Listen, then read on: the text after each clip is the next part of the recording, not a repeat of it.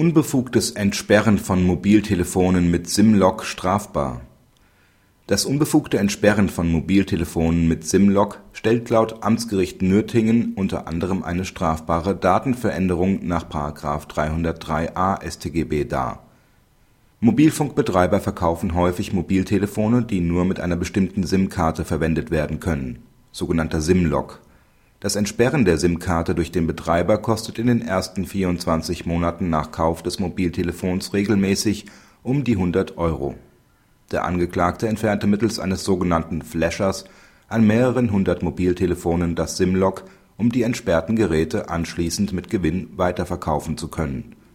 Das Amtsgericht verurteilte den Angeklagten wegen Datenveränderung nach § 303a StGB sowie wegen gewerbsmäßiger Fälschung beweiserheblicher Daten gemäß den §§ 269 und 267 StGB. Praxishinweis Das Entsperren von Mobiltelefonen mit SIM-Lock erfreut sich großer Beliebtheit.